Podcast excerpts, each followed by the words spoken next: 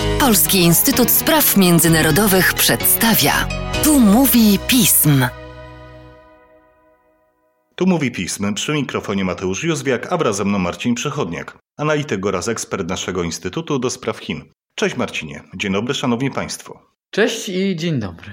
Drogi Marcinie, o zaangażowaniu Chin już trochę udało nam się porozmawiać przy okazji naszego ostatniego podcastu. Warto przy tym przypomnieć, że Chiny nie zachowują neutralności w działaniach i wspierają stronę rosyjską. To rodzi pytania o kwestie związane z ryzykiem wsparcia militarnego Rosji. Jednak takie wsparcie i współpraca między Chinami a Rosją nie jest czymś nowym. Zacznijmy więc może od tego, jak wygląda współpraca między tymi państwami właśnie na pułapie wojskowym. Właśnie, tak, pułap wojskowy, ponieważ ta kwestia od kilku dni wywołuje dość duże zainteresowanie i też, też to był też jeden z powodów, dla którego zdecydowałem się, żeby coś takiego dla Państwa nagrać. Pytanie, czy, czy Chińczycy pomogą Rosji e, wojskowo na Ukrainie, bo pomagają już politycznie, to już uzgodniliśmy w poprzednich podcastach, do pewnego stopnia też i gospodarczo, ale czy militarnie, wojskowo? No to trzeba najpierw powiedzieć, że y, y, współpraca chińsko-rosyjska w dziedzinie wojskowej ma swoją długą przeszłość i trwa nie od dzisiaj, nie od wczoraj, tylko już od mniej więcej tak na zaawansowanym poziomie, to powiedzmy, że od 2012 roku. I to są, to są wszelkiego rodzaju elementy w tym, że tak powiem, zawarte, bo to są oczywiście i ćwiczenia wojskowe. Mieliśmy przecież jedne takie ćwiczenia na Bałtyku, floty rosyjskiej i chińskiej, ale to są nie, to oczywiście nie tylko Bałtyk, bo i może japońskie, i może południowochińskie. Więc to jest jeden komponent, i, i, ale jakby w tym kontekście wojny na Ukrainie pewnie najmniej istotny, no bo nie rozmawiamy tu o ćwiczeniach. Ale ćwiczenia ale... są najbardziej efektowne. Tak, a poza tym no one pozwalają, jeśli w ogóle zakładamy, że coś takiego mogłoby dojść, to pewnie przejdziemy do tego za chwilę, czy to jest w ogóle realne, tak? Czy to jest możliwe? Bo tu musimy postawić znak zapytania, ale jeśli zakładamy, no to ćwiczenia pozwalają wypracować pewne procedury współpracy. Pozwalają dopracować e, komunikację, logistykę i tak dalej pomiędzy, było nie było, dwoma różnymi rodzajami, czy dwoma różnymi siłami zbrojnymi dwóch różnych państw, prawda? Więc to też trochę odpowiada na to pytanie, które się czasem pojawia, ale jak te chińskie, e, powiedzmy, wyposażenie miałoby funkcjonować w rosyjskich warunkach? No, prawdopodobnie elementem e, ćwiczeń było właśnie też i wypracowanie tej, tej, tej komunikacji. Pamiętajmy, Chińczycy brali udział na przykład w ćwiczeniach Wostok, więc ta współpraca jest dość duża. No oczywiście to jest współpraca też jeśli chodzi o sprzęt, prawda? I tutaj bardziej to jest rosyjski sprzęt w Chinach niż chiński w Rosji. I, I tu rzeczywiście Rosjanie od kilku lat sprzedają Chińczykom bardzo zaawansowane systemy, jak S-400 czy myśliwce Su-35. Więc to, co chcę powiedzieć, no to, to jest to, że ta współpraca trwa od dłuższego czasu. I, I nie jest niczym dziwnym, jeśli mówimy nagle teraz o tym, że Chińczycy mieliby Rosjanom pomóc, mi, pomóc militarnie na Ukrainie. Bo może powiedzmy, skąd w ogóle ten temat, prawda? Bo to jest ciekawe też. 13 e, marca ukazały się w amerykańskiej prasie informacje, artykuły, między innymi w New York Timesie, mówiące o tym, powołujące się na amerykańską administrację, na urzędników, którzy powiedzieli, że mają informacje na temat tego, że Rosja zwróciła się do Chin właśnie o pomoc wojskową i gospodarczą. I to w zasadzie jest jedyna, jedyny element, jedyny fakt, który który sugerowałby, że taka, taka prośba została przez Rosjan skierowana. Jednak ta informacja została zdementowana przez stronę chińską. Ona została zdementowana w tym sensie, że strona chińska stwierdziła, że to jest fake news, czyli nie zaprzeczyła temu, że y, taka prośba była i nie wchodziła w szczegóły w ogóle. Po prostu uznała to jako kolejny element amerykańskiej dezinformacji. Ambasada chińska w Stanach Zjednoczonych Pytana o to stwierdziła, że w ogóle nie wie o co chodzi do końca, nie ma informacji na ten temat. A ostatnio zresztą y, to, to już troszeczkę nie dotyczyło samej, samych tych informacji amerykańskich, ale jakby w ogóle chińskiego udziału w wojnie na Ukrainie, no to ambasada chińska w Kijowie powiedziała wprost, że Chińczycy nie będą walczyć przeciwko Ukraińcom. Ja to parafrazuję troszeczkę, ale taki był sens tej wypowiedzi. Więc rzeczywiście, oczywiście, Chińczycy temu zaprzeczyli, co nie zmienia faktu, że ta informacja jakoś przestrzeni publicznej do dzisiaj funkcjonuje i, i żyje i na, na, na, podstawie tego, co powiedziałem o tej wieloletniej współpracy, nie byłaby ona niczym dziwnym. Taka rosyjska prośba skierowana do Chińczyków nie jest żadnym zaskoczeniem i myślę, że ona została złożona. Tak? I pytanie oczywiście kiedy, pytanie w jakim zakresie, ale tutaj nie, nie, chyba nie można mieć wątpliwości, że Rosjanie poprosili Chińczyków o pomoc.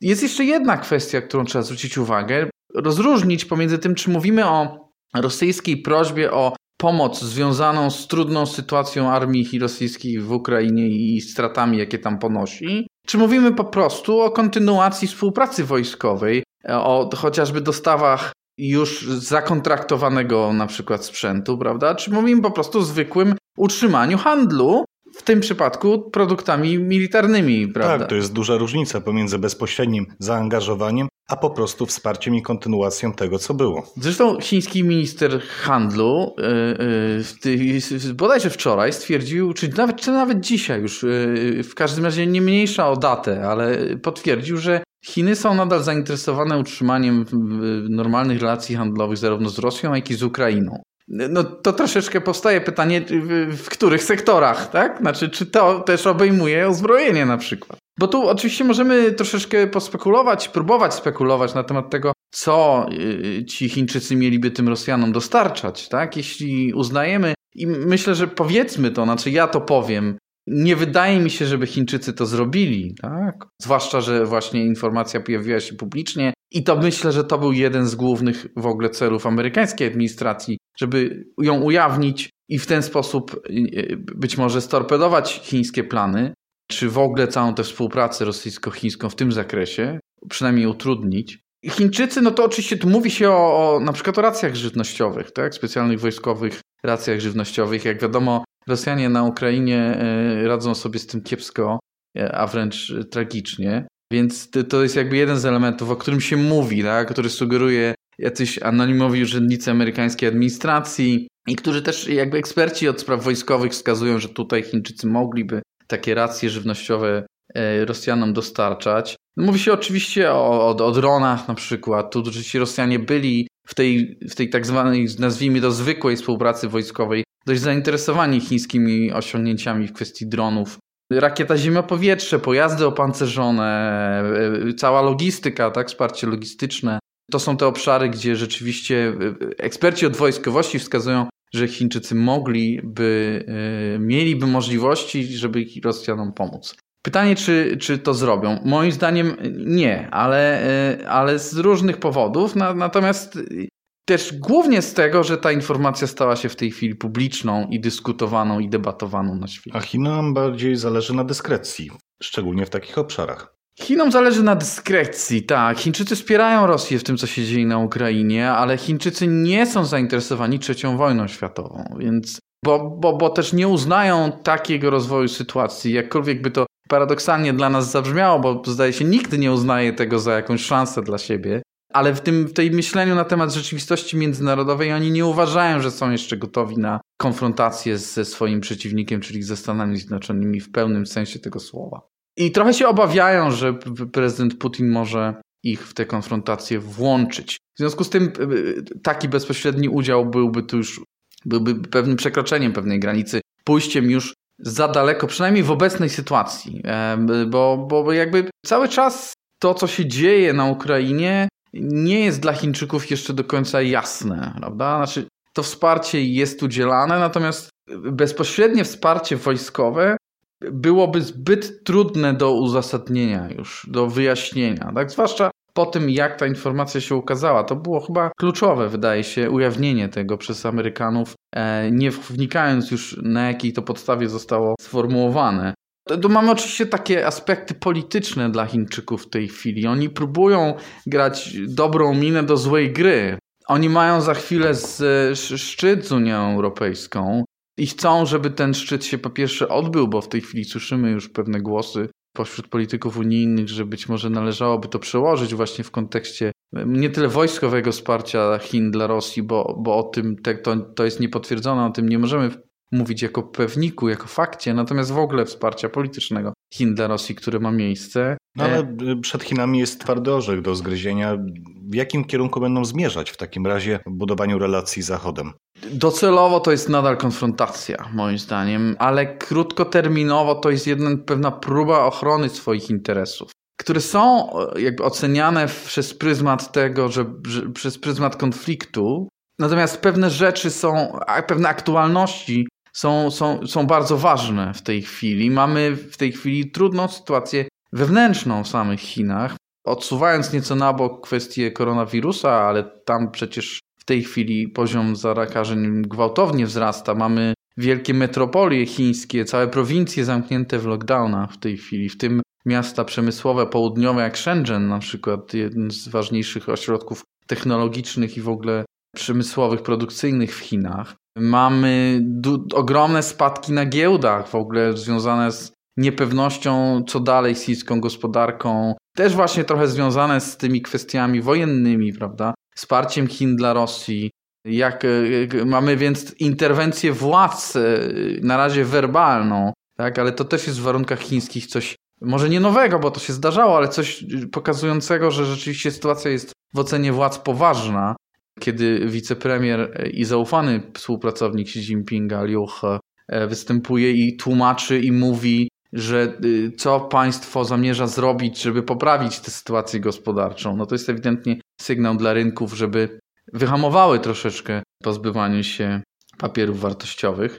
Te wszystkie elementy, mamy oczywiście Tajwan, prawda, gdzieś w tyłu głowy. To też jest jakiś element, który który Chińczycy ciągle kalkulują i, i, i oczywiście planów wobec wyspy się nie pozbyli i nie pozbędą. Natomiast nadal muszą to jakoś kalkulować w ogóle w, w kontekście międzynarodowym e, i raczej odsuwać elementy ofensywne e, niż się do nich zbliżać, że plany ofensywne.